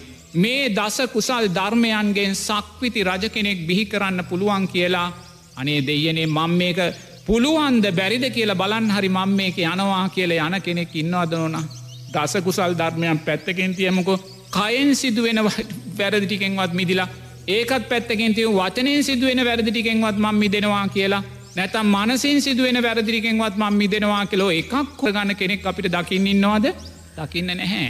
ඒ අසද්ධාවේ ලක්ෂණ අපිට කරන්න දෙයක්. නමුත් මාර්ගය විවෘතුව තියෙනවා නෝන. ඔබට අවශ්‍යනං උතුම් චතුරාර් සත්‍ය අවබෝධයටත් මාර්ගය විවෘතව තියෙනවා. මේ රටේ ඕනෙම පාලකයකුට සක්විති රජ කෙනෙක් වගේ සුන්දර රාජ්‍යත්ත දරන්න අවශ්‍ය සාධකත් ධර්මය තුළ පැහැදිලිව. නමුත් අපිට ඒ තැන්ගොල්ට යන්න සද්ධාව නැති වෙලා අපි ගියොත් යන්න නෝනා වැරදි මාර්ගකමයි. අපි පැවිද්දට ගියත් යන්නේ වැරදි මාර්ගකටමයි ඇයි? අපේ පංචනීවරණ වැඩි. පංචනීවරණ වැඩි. එනිසා නිරේතුරුවම මේ මොහොතේ ඔබ කොරෝනාරෝගෙන් පීඩා විදිනවනං අනුන්ට චෝදනා කරන්න එපා. එක ඇගිල්ලක් ඔබ අනුන්ට දික්කරද්දි ඇගිලි හතරක් ඔබ දිහාාවට එනවා. ඉන්දියාව ජනතාව ඉන්දියාව අගමැතිට එක ඇගිල්ලත් දික්කරද්දී තමන් දෙසට ඇගිලි හතරක් එනවා. ඒ ඔබ තේරුම් ගන්න ඕනේ. ඔබම කලා වූ අකුසල් තමයි ඔබලා මේ විදින්නේ අද ඉන්දියාවේ අගමැතිතුමා ජනතාවට නිවැරදි ආකාරයෙන් සලකන්නේ නැත්තං ඊළඟ ජීවිතයක ඔය ඉන්දියාවේ අගමැති දුප්පතෙක් වෙලා ඉන්දියාවම ඉපදිලා මට ඔක්සිජන් දෙන්න කියලා කෑ ගහගෙන මැරෙන අවාසනාවන්තෙක් බවට පත්වෙනවා එයයි ධර්මය. එනිසා අනුන්ට වැරදි කලාකිල ඔබ චෝදනා කරන්න එපා. සංස්කාරයෝ මේ ලෝකයේ තින සැබෑම අධිකරණයයි. කොතනකුවත් දසමයකින්වත් අයිතු තීන්දුවත් දෙන්නේ නෑ එනිසා ඔබ දක්ෂ වෙන්න රෝගී භාවය තුළ ඔබ ඉන්නවනන් නිරෝධානය වෙමින් ඔබ ඉන්නවනං රෝගී බියෙන් ඔබ ඉන්නවනං කරුණා කරලා අනුන්ට චෝදනා කිරීම පැත්තකින් තියලා ඔබ කුසල් ධර්මයන් කරේ චන්දය ඇති කරගන්න දස කුසල් ධර්මයන් කරේ. සිටිං කයින් වචනයෙන් සිද්ධ වෙන යහපත්දේම කරන්න. එන්න ධාරෂ්ඨාංගික මාර්ගය වැඩෙන දේ කරන්න. චන්දය වීරය ඔබ ආර්ෂ්ඨාංගික මාර්ගය කරේ වීර ඇති කරගන්න වෙන වෙන දේවල් කරේ වීර ඇති කරගන්න එපා. ආර්ෂ්ඨාංගික මාර්ගය කරේ ඔබ වීර ඇති කරගන්න. ඔබ චිත්තයක් ඇති කරගන්න අධිෂ්ඨානයක් ඇති කරගන්න. මම මෙවැනි මේ සාංසාරික ව්‍යාසනයන් මං ඇස් දෙකෙන්ම දකිනවා කුසලේ තියෙන්න්න වූ භයානක භාවයක් ජීවිතය දකිනවා මේ අකුසලේ භයානක භාවය අපිට බිඳින්න වෙන්න අපිතාම උතුම් සෝවාන් පලට පත් නොවන නිසාමයි කියල තැනෙයිදං මම මේ ජීවිතේ මේ ව්‍යාසනය උපයෝගී කරගෙන මේ රූපේ අනිත්‍ය භාවය දකිමින් මේ විඳීම්මොල අනිත්‍ය භාවය දකිමින් මේ හඳුනාගැනීම්මොල අනිත්‍ය භාවය දකිමින් මේ සංස්කාරයන්ගේ මේ විඤ්ඥානය අනිත්‍ය භාවය දකිමින් මං මේ ජීවිතේ සෝවාන් පලට පත්වෙනවා කියෙන චිත්තය ඇති කරගන්න. ඒ චිත්තය ඇති කරගෙන නිරේතුරුවම මේ රූපවේදනා සංඥා සංකාර විඤ්ඥාන ධර්ණයෝ නිරේතුරුවම විදර්ශනාවෙන් විමන්සාාවෙන් දකිමින් ජීවත් වෙන්න. එම දකිද්දි නෝනා අපි වර්තමානය තුළ කුසලේ තුළ ජීවත් වෙච්ච කෙනෙක් බවට පත්වෙන. අපි වර්තමානය තුළ බුදුරජාණන් වහන්සේ දේශනා කලා වූයේ ගොදුරු බිම. බුදුරජාණන් වහන්සේ ඔබට වග කියන ගොදුරු බිම. බුදුරජන් වහන්සේ වග කියන ගොදුරු බිම් වන සතර සටි පට්ටානය තුළ ජීවත්වච්ච කෙනෙ බවට පත්වෙනවා එනිසා වැදගත් වෙන්නේ අපි මැරෙනාකාරය නෙමේ නෝනා. මැරෙනාකාරය වැදගත් වෙන්නේ අපි ඔක්සිජන් නැතුව මැරෙනවාද? ප්‍රතිකාර නැතුව මැරෙනවාද? ඇඳක් නැතුව මැරෙනවාද? මහපාරක මැරෙනවාද? ගෙදරක මැරෙනවාද? කාල කන්නියෙක් විදිහට කිසිම කෙනෙක්ගේ හව්වරණයක් නැතුව මැරෙනවාද කියන මැරෙන ක්‍රමේ වැදගත් වෙන්නේ නැහැ. ඔබ කාල කන්නියෙක් විදිහට කාගෙවත් හව්හරණක් නැතුව මහපාරෙ කොරෝනාව මැරුණත්. ඔබ මැරෙන මොහොතේ සියලු සංස්කාරයෝ අනිත්‍යයි කියලා ඔබ මහපාරෙ මැරුණත් ඔබ උතුම් සෝවාන් පලට පත් වෙලා සුන්දර දෙවියෙක් වෙලා මයි උපත්තිය එනම් මැරණ ක්‍රමේ අදාළ වෙන්නේ නැහැ. මරනාසන්න මෝතය ඔබ ඇති කර ගන්නා වූ ධර්මානුකුල චේතනාවයි විදර්ශනාමය චේතනාවයි කුසල් චේතනාවයි වැදගත් වෙන්නේ. එනිසා නිරේතුරුවම දකින්න සුන්දර ධර්මයක් අපි දකින්නේ. ධර්ම විනය නැමති ජීවමාන බුදුරජාණන් වහන්සේ තමන් උපන් දේශයම තමන් සම්මා සම්බෝධය අවබෝධ කරගත්ත දේශයම තමන් පිරිනිවීගිය මොහොතේම ඒ උතුම් ධර්ම විනය කියෙන උතුම් ජීවමාන ශාස්තුන් වහන්සේ සියලු සංස්කාරයන්ගේ අනිත්‍යභාවය සක් සුදක්සේ ප්‍රකට කරමින් ධර්මය එහි පස්සික ගුණය ප්‍රකට කරමින් අකුසලේ වියරුව ප්‍රකට කරමින් සුන්දර ධර්මයක් දේශනා කරනවා. කරුණාවෙන් සතිය සීයෙන් ඒ ධර්මය ශ්‍රවනය කරන්න. සතිය සීයෙන් ඔබ ඒ ධර්මය ශ්‍රවනය කොළොත් ඔබ තුළ නිරේ තුරුවම ධර්ම විජය බොජ්ජන්ගේ වැඩේවී. ධර්ම විජය බොජ්ජන්ගේ වැඩෙද්දී ඔබ මේ සංස්කාරයන්ගේ අනිත්‍ය භාවය සුන්දරවාන් අවබෝධ කරාවි. අනේ දෙයනේ ඉන්දියාව වැනි සුන්දර සංස්කාරයෝ සුන්දරම ලෝකෙඉන්න සුන්දරම කලාකරුවන් එන්නේ ඉන්දියාවේ සුන්දරම ජනප්‍රිය ලෝකයේ සිනමාවතින් ඉන්දියාවේ. මෙවන් සුන්දර සංස්කාරයන් අනිත්‍ය වෙලා යනවායි කියන මේ සුන්දර ධර්ම විජය බොජ්ජන්ගේ ඔබ තුළ වැඩේවි. මේ සියලු සංස්කාරයෝ අනිත්‍ය වෙලා යන හැටි අර මිනිස්සු හඬා වැටන හැටි අර මළමිනි මහපාරවල්ල ගොඩ ගැහෙන ඇති මහා ගිනිජාලා පිච්චි පිච්චි තිීන හැටි මේ සෑම දෙයක් තුළින් අපි දකින්න මේ සංස්කාරයන්ගේ අනිත්‍ය තීන කෙනා හැකි දෙනා රටෙන් පැනලයන්න උත්සාහ කරන හැටි මේවා දකිද්‍ය අපි දකින්නේ සංස්කාරයන්ගේ අනිත්‍ය භාවයමයි. එනිසායේ අනිත්‍ය භාවය නැඩෙද්ද අපි තුළ තවතව වැඩෙන ධම්ම විජය බොජ්ජන්ගේ අනේ දෙයනේ මේ සුන්දර බුදුරජාණන් වහන්සේ දේශනා කලා වූ සුන්දර ධර්මය මං ඇස් දෙකෙන් දකිනවා. මේ සුන්දර ධර්මය මං කන් දෙකෙන් අහනවා මේ සුන්දර ධර්මය මං හදවතින් විඳිනවා. ඒ සුන්දර ධර්මය මම දකිද්දේ අපි තුළ වැඩෙන්න්නම ධම්ම විජය බොජ්ජන්ගේ අනේ මේ සියලු සංස්කාරයෝ අනිත්‍යයි. කොයිසා සුන්දර සංස්කාරයන් දරාගෙන හිටියත් ඒ සංස්කාරයෝ අනිත්‍යය කෙන ධර්ම විජය බොජ්ජන්ගේ වැඩෙද්දී වීරය තවතව ශක්තිමත් වෙනවා නොන. අපි තුළ වීර ශක්තිමත් වෙනවා කුසලය කරේ වීර ශක්තිමත් වෙනවා විදර්ශනාව කරේ බුදුරජාණන් වහන්සේ දේශනා කලා වූ ගොදුරු බිමේ හැසිරීම කරේ අපේ වීර තවතව ශක්තිමත් වෙනවා. ඒ වීර ශක්තිමත් වෙද්දී අන්න අපි තුළ ප්‍රීති ඇති වෙන්නේ. එතකොට අපි අඩාණ්ඩා කතා කරන්න හැ බියට පත්වෙලා ඉන්න නැහැ. අපි ප්‍රීතියෙන්ගත් දෙයනේ ධර්මය දකිනවා. සංස්කාරය මේ රූපය අනිත්‍යය යහැට පේනවා යා දකිනවා. මේ වින්දා වූ විඳීම් අනිත්‍යය යහැට පේනවා රූ දකිනවා. මේ හඳුනා ගැනේ වූ සියලු හඳුනා ගැනීම අනිත්‍ය අර මිනිස්සු බඩාගෙන අඩනවා අනේ මගේ අම්මා අනේ මගේ පුතා අනේ මගේ දුව අනේ මගේ තාත්තා සෑම හඳුනා ගැනීමක් වෙනස් වුනා. ඒ සෑම සංස්කාරයක්ම වෙනස් වුනා ඇස් දෙකෙන් අපිට පේනවා. ඒ සංස්කාර නිසා සකස් වුනා වූ දැනීම් සියල්ලම වෙනස් වෙලා මගේ මෞබිම මගේ මාතෘභූමිය මං මගේ මාතෘභූමිය උදෙසා දිවි පුදනවා කියපු ඉන්දීය ජනතාවද මුළු රටටම දේශ කරනවා. අන්න බලන්න සංස්කාරයෝ නිසා විඤ්ඥානයෝ වෙනස් වෙලා යනවා. අකුසලේ විපාකෙට එද්දී තමන් උපන් රට එපාකරපු රටක් බවට ඒගොල්ලන්ට පත් වෙලා අකුසලය හේතුවෙන් සකස් වෙන දැනීම්. අන්න එනිසා අපි නිරේතුරුවම මෙන්න මේ පංචුපාදානස්කන්දේ අනිත්‍ය භාවය සක් සුදක්සේ මේ සුන්දර ධර්මදේශනාව තුළින් ජීවමාන බුදුරජාණන් වහන්සේ අපිට විග්‍රහ කළ දෙනවා ඕන. එනිසා ඒ ධර්මය අහන්න ඒ ධර්මය අහල නිරේතුරුවම අර සුන්දර ගොදුරු බිමේ ජීවත්වෙන්න. බුදුරජාණන් වහන්සේ වග කියන්නේ ඔබ ඒ ගොදුරු බිමේ ජීවත් වනොත් පමණයි. බුදුරජාණන් වහන්සේ මගේ ජීවිතයට වග කියනවා. බුදුරජාණන් වහන්සේ මගේ ජීවිතයට වග කියන නිසා මම ඕන වෙලාවක විදර්ශනාමය ප්‍රීතියෙන් විදර්ශනාමය පස්සද්ධියෙන් මං ජීවත්වෙනවා. මට බියක් සකස් වෙන්න ඇයි බුදුරජාණන් වහන්සේ කියලතිනවා. යමෙක් මං කියන ගොදුරුබිමේ ජීවත් වෙනවා නං මං ඔබේ ජීවිතයට වග කියනවා කියලා. එනිසා මට බියක් නෑ බුදුරජාණන් වහන්සේ කියලා තියනවා මගේ ජීවිතයට වග කියනවා කියලා. හෙට දවසේ ඔක්සිජන් නැතිවෙලා මං මැරුල් අපවත් වනාත්. හෙට දවසේ ඇඳක් නැතිවෙලා රෝහලක් නැතිවෙලා මහපාරක මං අපවත් වනාත් මට බියක් නෑ බුදුරජාණන් වහන්සේ සහතිකයක් දීලතිනවා. ඔබ සතර සටිපට්ටානය කෙන ගොදුරුබිමේ නං ජීවත්වෙන්නේ අරියඥාන මං ඔබේ ජීවිතයට වග කියනවා කියලා. ඒ විශ්වාසය මට තියෙනවා. නමුත් ඒ විශ්වාසය ඔබට ඇතිකර ගන්න එක දසමකින්වත් බැරිකමක් නැහැ. නමුත් ඔබ ඒ විශ්වාසයට එන්න ඇත්තං අපිට කරන්න දෙයක් නැහැ. එනිසා ඔබේ විශ්වාසයට එන්න. ඒ විශ්වාසට ඇවිල්ලා මේ ලෝකයේ තුළ සිද්ධ වෙන මේ දේ. කොරෝනා විනාසය තුළ මේ ආසියා කරේ මේ ලෝකයේ තුළ සිද්ධ වෙන දේ. අතීත අකුසල් සංස්කාරයන් විපාකය නිසා මේ සිද්ධ වෙන අකුසල් වියරුව ඔබ තවත් සංස්කාර රැස්කිරීම උදෙසා උපයෝගී කරගන්න එපා. සංස්කාර රැස්කිරීම උදෙසා උපයෝගී කරගන්න එපා. මේ වෙන්න වූ වියරුව සංස්කාර වියරුව ඔබ සංස්කාරයන්ගේ නිරෝධය උදෙසාම යොමු කරගන්න. නිරෝධය උදසාම යොමු කරගන්න මරණානුස්සතිය ජීවිතයට එකතු කරගන්න. බුදුරජාණන් වහන්සේ දේශනා කරන ඔබට ආයුෂ දීර්ඝ කරගන්න තියෙන සුන්දර භාවනාවත්තමයි මරණානුස්සතිය කියන්නේ. ඔබට ජීවත්වෙන්න අවශ්‍යනං ඔබට කොරෝනාවෙන් මිය නොයා ජීවත්වෙන්න අවශ්‍යනං.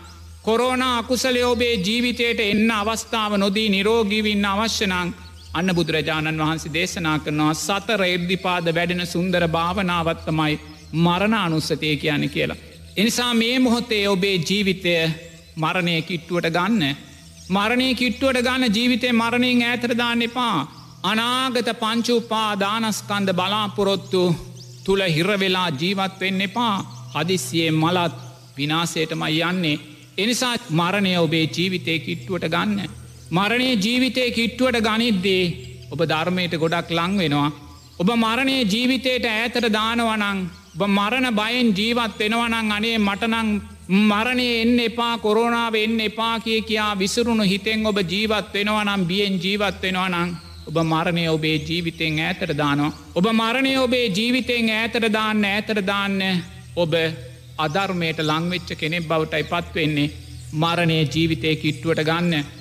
මරණය ජීවිතයට කිට්ටුවට ගන්න දෑස් දෙක පියාගෙන දකින්න ඔබේ ජීවිතය මලකඳක් කරල නුවනින් දකින්න. ඔබේ ජීවිතය මලකඳක් කරලා නුවනින් දකින්න අර පොලිතින් නුරේක ඔතලා මහත්තුරු හතර පස් දෙනෙ කොසවාගෙන ගිහිල්ලා අර ආදාහනේ දාලා පුච්චනවා නුවනින් දකින්න.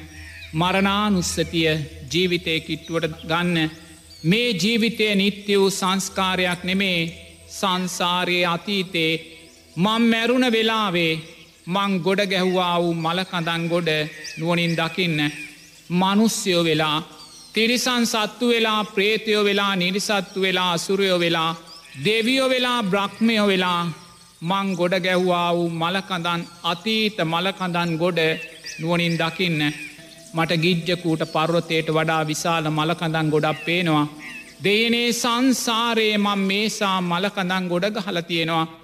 මම දෑස් දෙක පියාගෙන දකිනවා එදා විශාලා නුවර මගේ මලකඳ කුණු වෙලා විනාස වෙලා මහපොලෝට පස්සුන මලකඳත් මං මේ මොහොත දකිනවා. ඒ වගේ සංසාරයේ ගිජ්ජකූට පර්වතයට වඩා විශාල මලකදන් ගොඩගහල තියෙනවා. අනේ මේ ජීවිතයක් මලකඳක්මයි. මේ ජීවිතයත් කවදාහරි දවසක මලකඳක් වෙලා මේ බාහිර සතර මහා ධාතුවට මුහු වෙනවා. ඔබේ ජීවිතය මරණානුස්සතියෙන් දකින්න. ඔබේ ගෙදර ඉන්න පිරිස ඔබේ අම්ම තාත්තා නංගි මල්ලි සාම්පුරුෂයා ස්වාමිදියනිය මේ සෑම කෙනෙක්ගෙම ජීවිත මරණානුස්සතියෙන් දකින්න. ඒ සෑම කෙනෙක්ම මිය ගිහිල්ලා අර දර සෑයවල් මත ගිනි අරගෙන ඒ සියලු රූපයන් සතර මහා ධාතුවටම මුහුවෙනවා දකින්න පිංහතුනේ ඔබට මේ මරණානුස්සතිය ගැන කියන්නේ ජීවිතේ ශක්තිමත්ව ඉදිරියට අරං යන්න. ඔබට මරණානුස්සතිය ගැන මං කියන්නේ ඔබට නිරෝගී භාවයෙන් දීර්ඝායුෂ පිරි ජීවිතයක් ලබල දෙන්න ඒ නිසා මරණානුස්සතියට ඔබ බියවෙන්න එපා මුලින් ඔබ දෑස් දෙක පියාගෙන මරණානුස්සතිය තුළ ඔබේ ජීවිතය විසිරෝල දකින්න ඔබේ මලකඳ මහපොලවේ වැතිරිලා තියෙනවා නුවනින් දකින්න. ඔබේ ගෙදර ඔබේ අම්ම තාත්ත නංගි මල්ලි දවා දරුවෝ මේ සෑප කෙනෙක්ගේම මලකඳන් ගෙදර විසිරිලාතියනවා නුවනින් දකින්න කොරෝනා හැදිල ඔක්කොම මැරිලා ඔබේ ගමට හිත යොමු කරන්න මුළු ගමම මලකඳන් ගොඩක් කොතනකුවත් මනුස්ස රූපයක් පණපිටින් නැහැ. ඔබ මුළු ගමේම ඉන්න මනුස්්‍යයෝ මලකඳන් කොඩක් හැටියට දකින්න ඒ මලකඳන් දර සෑයවල්ලොල ගිනිගන්නවා නුවනින් දකිින් ඔබට දැන් ඉන්දියාව සුන්දර අත්දැකෙම් තියෙනවා අසුන්දර දේවල් වුණත් මලකඳන් ගොඩගෙබ් ගහිලාර පුච්චන දස් ගනන් ගිනි ජාලාවන්ගෙන් දැන් ඔබේ නිවසත් ඔබේ ගමත් ඔබ දකින්න කොතනකුවත් මනුස්ස රූපයක් නෑ පින්වතුනින් සියල්ල මැරිලා. ඊළඟට ඔබ මුළු නගරෙම හිත යොමු කරන්න.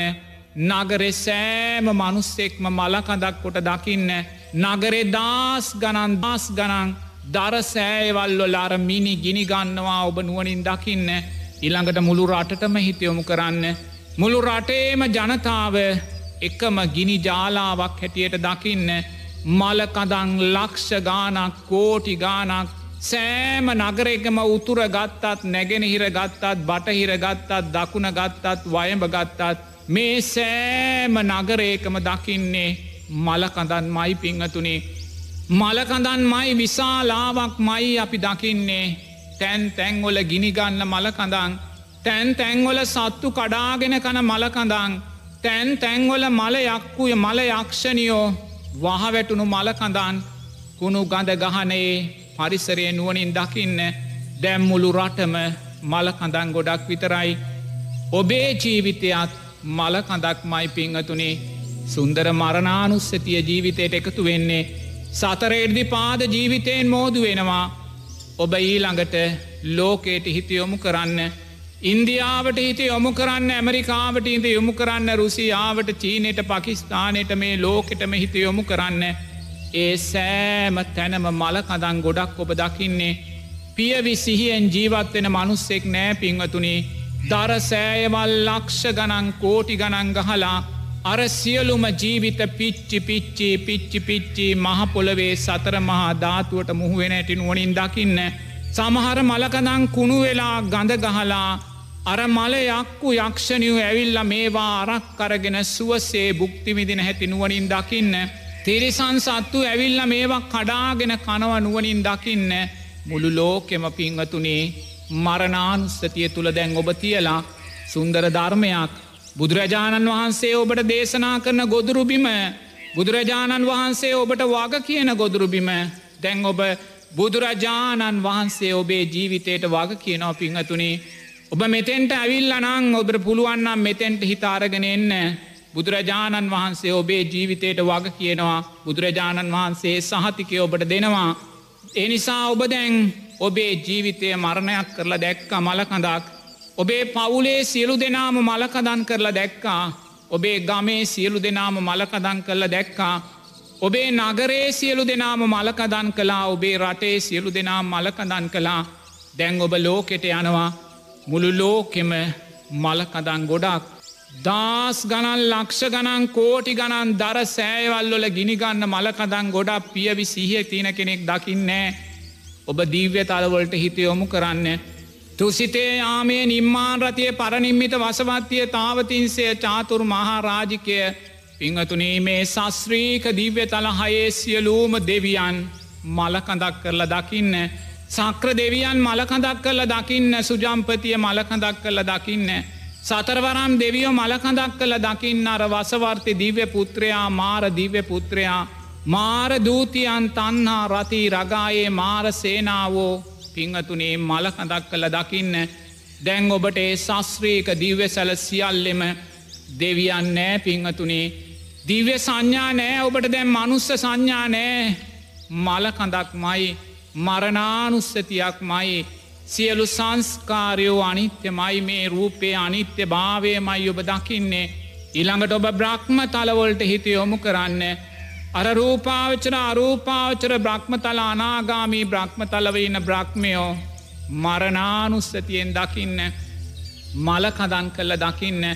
එරමිනිිය ගොතාගෙන වැඩ සිටින සක්මන් කරමින් වැඩ සිටියේ බ්‍රහ්මයෝ මලකඳක් කරල දකින්න මහපොළුවේ වැටිලා කුණු වෙලා නරක් වෙලා ගිනිගන්නා වූයේ මලකදන් නුවනින් දකින්න පිංවතුනී දැන් ඔබ බවාත්‍රේම මරණානුස්සතියෙන් දැකලා බවාත්‍රේම සත්‍යයෝ මරණානුස්සතියෙන් දැකලා කොතනකුවත් ඔබට පුද්ගල සංඥාවක් ජීවමාන සංඥාවක් කොතනකුවත් නෑ මනුස්ස ලෝකයේ කොතනකවත් ජීවමාන සංඥාවක් නෑ මලකඳන් ගොඩක් මයි පිච්චෙන ආදාහනාගාරයක් මයි දිව්‍ය තල ගත්තත් දිව්‍ය මලකඳන් ගොඩක් මයි බ්‍රහ්මතල ගත්තත් බ්‍රහ්ම මලකඳන් ගොඩක් මයි සතරාපාය ගත්තත් බල්ලන්ගේ හරකුන්ගේ අලියන්ගේ කොටින්ගේ මලකදන් ගොඩක් පමණක් මයි ප්‍රේත ලෝක අසුර ලෝක නිරේ ගත්තත් මේ සියල්ලෙම ඔබ දකින්න මලකඳන් ගොඩක් පමණක් මයි බවාත්‍රයම පිංවතුනේ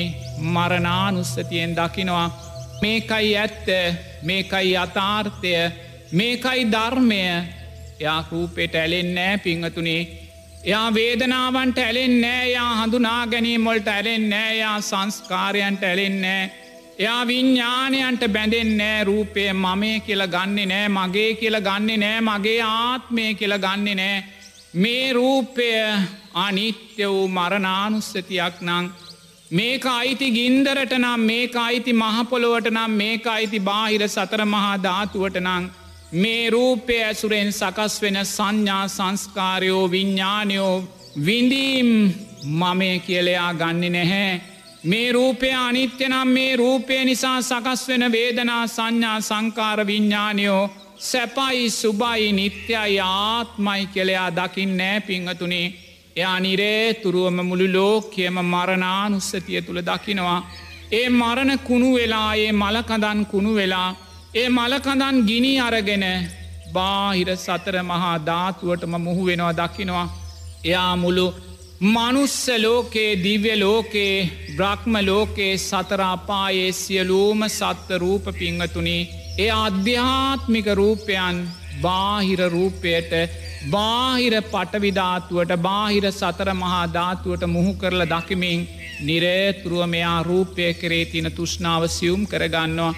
එයා රූපය කරේ තියෙන තුෂ්නාව මරාදානවා ජීවිතයෙන් පිංහතුනේ දැන් ඔබ මොහොතක් හිතන්න මේ ආකාරයෙන් ඔබ මරණානුස්සතිය තුළ ජීවත්වෙද්දී ඔබට කොරෝනාව මතකෙන් ගිරිහිලා තියෙන්නේ.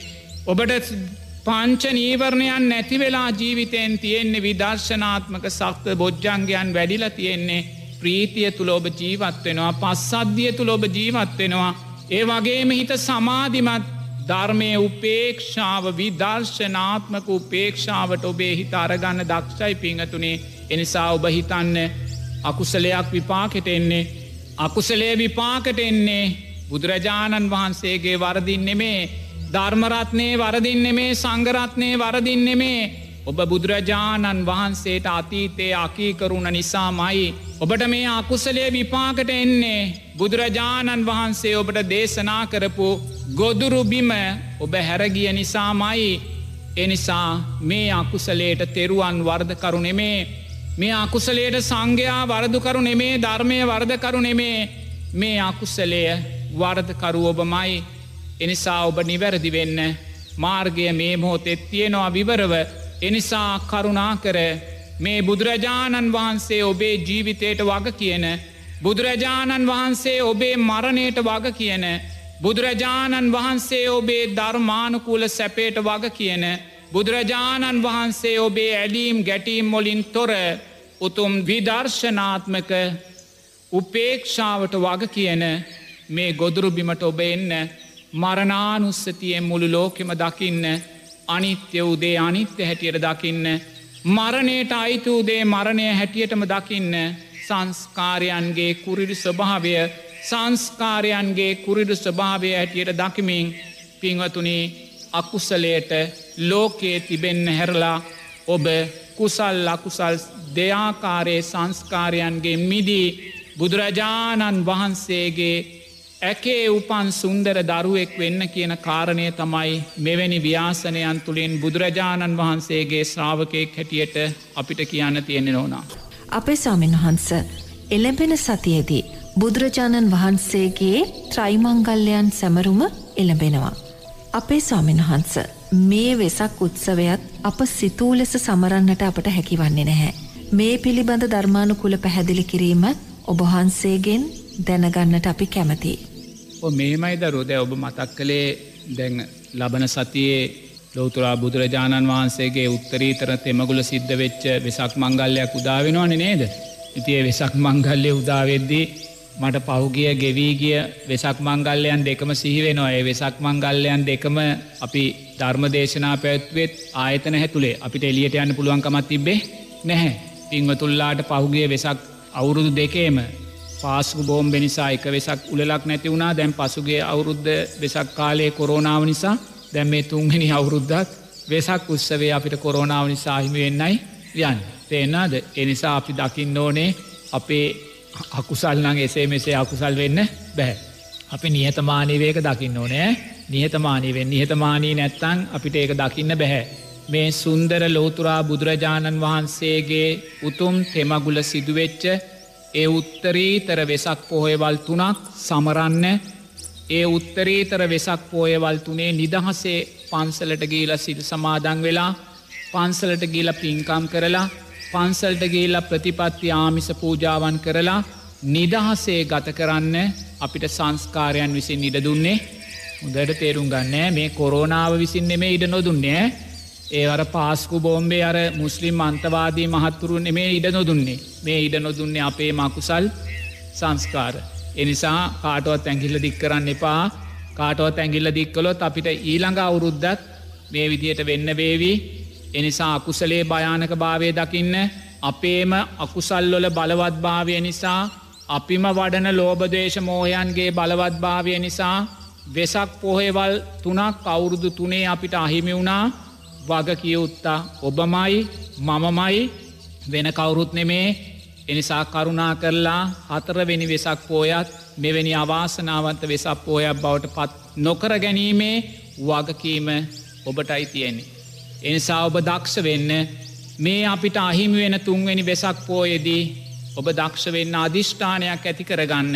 මං මේ වෙසක් පොහොය ඊළඟ වසරේ දෙදස් විසි දෙක වසරේ වෙසක් පොහොය අපිට නිදහසේ සමරන්න පුළුවන් විදිහට අපි මේ වෙසක් පෝය දවසේ ඉඳං උතුම් කුසලය තුළ ශක්තිමත් වෙනවායි කියන අධිෂ්ඨානය පුළුවන්නන් ඇති කරගන්න. මමනං හිතන්නේ සාර්ථක වෙයි කියලා තේනාද නමුත් අධිෂ්ඨානය ඇති කරගන්න ධර්මය සුන්දරව තියෙනවා ජියෝමානෝ තියෙනවා. ඔබයි ප්‍රමාද.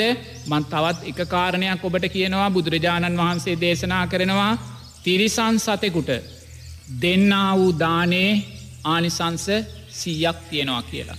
එක ඇන ඔබ තිරිසන් සතෙකුට බල්ලෙකුට කපුටෙකුට ඔබ සුවපත් වේවා කියලා මෙස්සිතක් වැඩුවොත් ඔබට ආනිසංස සීයක් තියෙනවා කියලා බුදුරජාණන් වහන්සේ දේශනා කරනවා.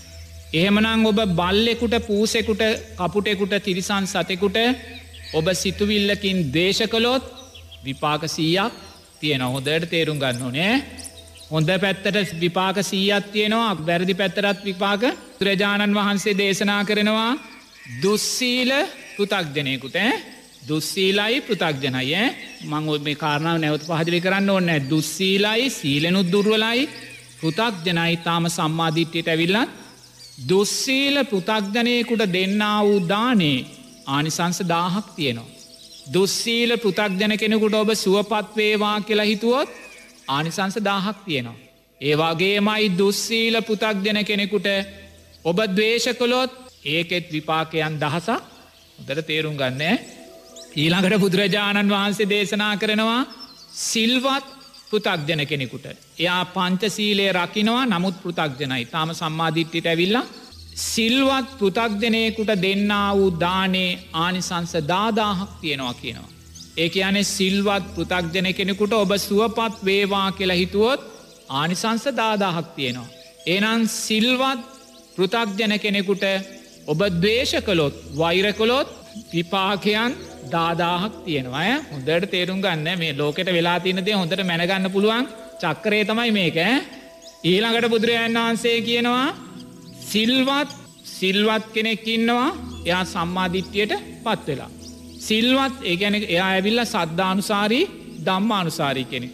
එතකොට සිල්වත් කෙනෙකුට අපි කරන්න වූ දෙන්න වූ දානේ ආනිසංස ලක්ෂයක් තියෙනවා කියලා. ඒනම් සිල්වත් කෙනෙකුට අපි පංචසීලය රැකලයින්න සිල්වත් කෙනෙකුට අපි දවේශකලොත් විපාකයනුත් ලක්ෂයක් තියෙනවා පංචසීලය ආරක්ෂා කරන සිල්වත් කෙනෙකුට ඒ ගැන අපිකෙම සද්ධාන්සාරී දම්මානුසාරී දෙන්නෙකුට අපි කරන්න වූ යහපත්දේෙන් විපාක ලක්ෂයකට වැඩිය තියෙනවා කියන එනම් අයහපත්දේත් විපාක ඒ වගේම තියෙනවෑ ඊළඟට බුදුරජාණන් වහන්සේ දේශනා කරනවා නෝනා සෝවාන් පලයට පත්වෙච්ච කෙනෙකුට ඔබ යම් බත්හැන්දක් පූජා කළොත් එහෙම නැත්තං සිතුවිල්ලකින් සුවපත්වේවා කිව්වොත් එහි විපාක මෙප මනයි කියලා කියන්න බැහැ. මෙපමනයි කියලා කියන්න බැහැ. තේෙන්නාද. එනම් සකුරුදාගාමී කෙනෙකුට අනාගාමී කෙනෙකුට අරිහත් කෙනෙකුට නෝනා අපි පූජා කරන්න වූ දානයන් අපි පතුරන මෙත් සිතේ ආනිසංස මෙපමණයි කියලා කියන්න බැහැ. එනන් ඕන එවැනි කෙනෙකුට අපි කරන්න වූ චෝදනා අපි කරන්න වූ සිත්විදවීම අපි කරන්න වූ දේශයන් මෙපමණයි කියලා අපිට ලෝකෙට කියන්න බැහැ. සද්ධානුසාරී දම්මානුසාරී දෙන්නාට කරන්න වූ යහපත්දේ විපාකයන් ලක්ෂ කෝටිගානක් තියෙනවා කියනවනං ඉන් එහාට බුදුරන් වහන්සේකෙන වචනයෙන් කියන්න බැහැ. දැ මේ ලෝකයේ අකුසල් පේනවනේ මේ නගින්න කොහොමද කියලා. නොන අපි සිරි සංසත්තුන්ට කොච්චර හිංසා කරනවාද කියල බලන්නකො. එන විපාකර පැත්තෙන් ද සීයක් තියෙනවනේ දුස්සීල පෘතක්ජනයට අපි කොච්චර හිංසා කරනවාද කියන්නකෝ. එනම් විපාක දාහක්නේ එතකොට සිල්වත් පෘතක්ජන කෙනෙකුට කොච්චර ඒමට වැරදි කරනවාද කියලා හිතන්නකෝ. එතකොට අකුසල් දාදාහක්නේ එතකොට බලන්න එහෙම නැත්තං සද්ධානුසාරී දම්මානුසාරී අයට දැන් අපේ ලංකාවේ බෞද්ධයන්ගින් වැඩිම පිරිස සද්ධානුසාරී දම්මානුසාරීනි මුත එහෙම අයට පුතේ බස්සයක නගින්න ගියත් මහපාරයක ගියන් මොන සාහිංස අපේ රටේ දේශපාලන පින්වතුල්ලා අහිංසක ජනතාවට කොච්චර මානසික පින්ටනය කරනවාද කියල බලන්නකු. එක දේවල් පොරොන්දු වෙලා ඒව කරනවාද? එක දවසට කරගන්න වූ අකුසල් කන්දරාව බලන්නකු දෙපාර්ශවයම. ඒ වගේ කොතනක ගියත් නොන අද මේ කොරෝනාව නිසා මේ මොහොතේ සකස් වෙන කොරෝනාව නිසා එකිනෙකාට චෝදනා කර ගනිමින්. එයා වගකීම් ඉටු කළේ නෑ මෙයා වගකීම් ඉටු කළේ නෑ අපි වගකීම් කලා අහවලා කළේ නෑ. මේවා නිසා නෝනා අපි මේ චෝදනා කරගන්න සද්ධානුසාරී දම්මානුසාරී අයටම නේද. එතොට මේවැය අකුසල් ලක්ෂ නෙමේ මා නෝනා දසලක්ෂ ගනම් විශාලයි කියන. අකුසල් නෑ ඒනන් නෝනා මං ඒකයි කිව්වේ මේ වෙසක් එකත් එක්ක වෙසක් තුනක් ඔබ අහිමි කරගත්තා දෑත් දෙක එකතු කොල්ල කියනවා අනේ කරුණා කරලා දෙදස් විසි දෙකේ හතරවෙනි වෙසක් උත්සවය අහිමි කරගන්න එපා තෙරුවන් සරයි.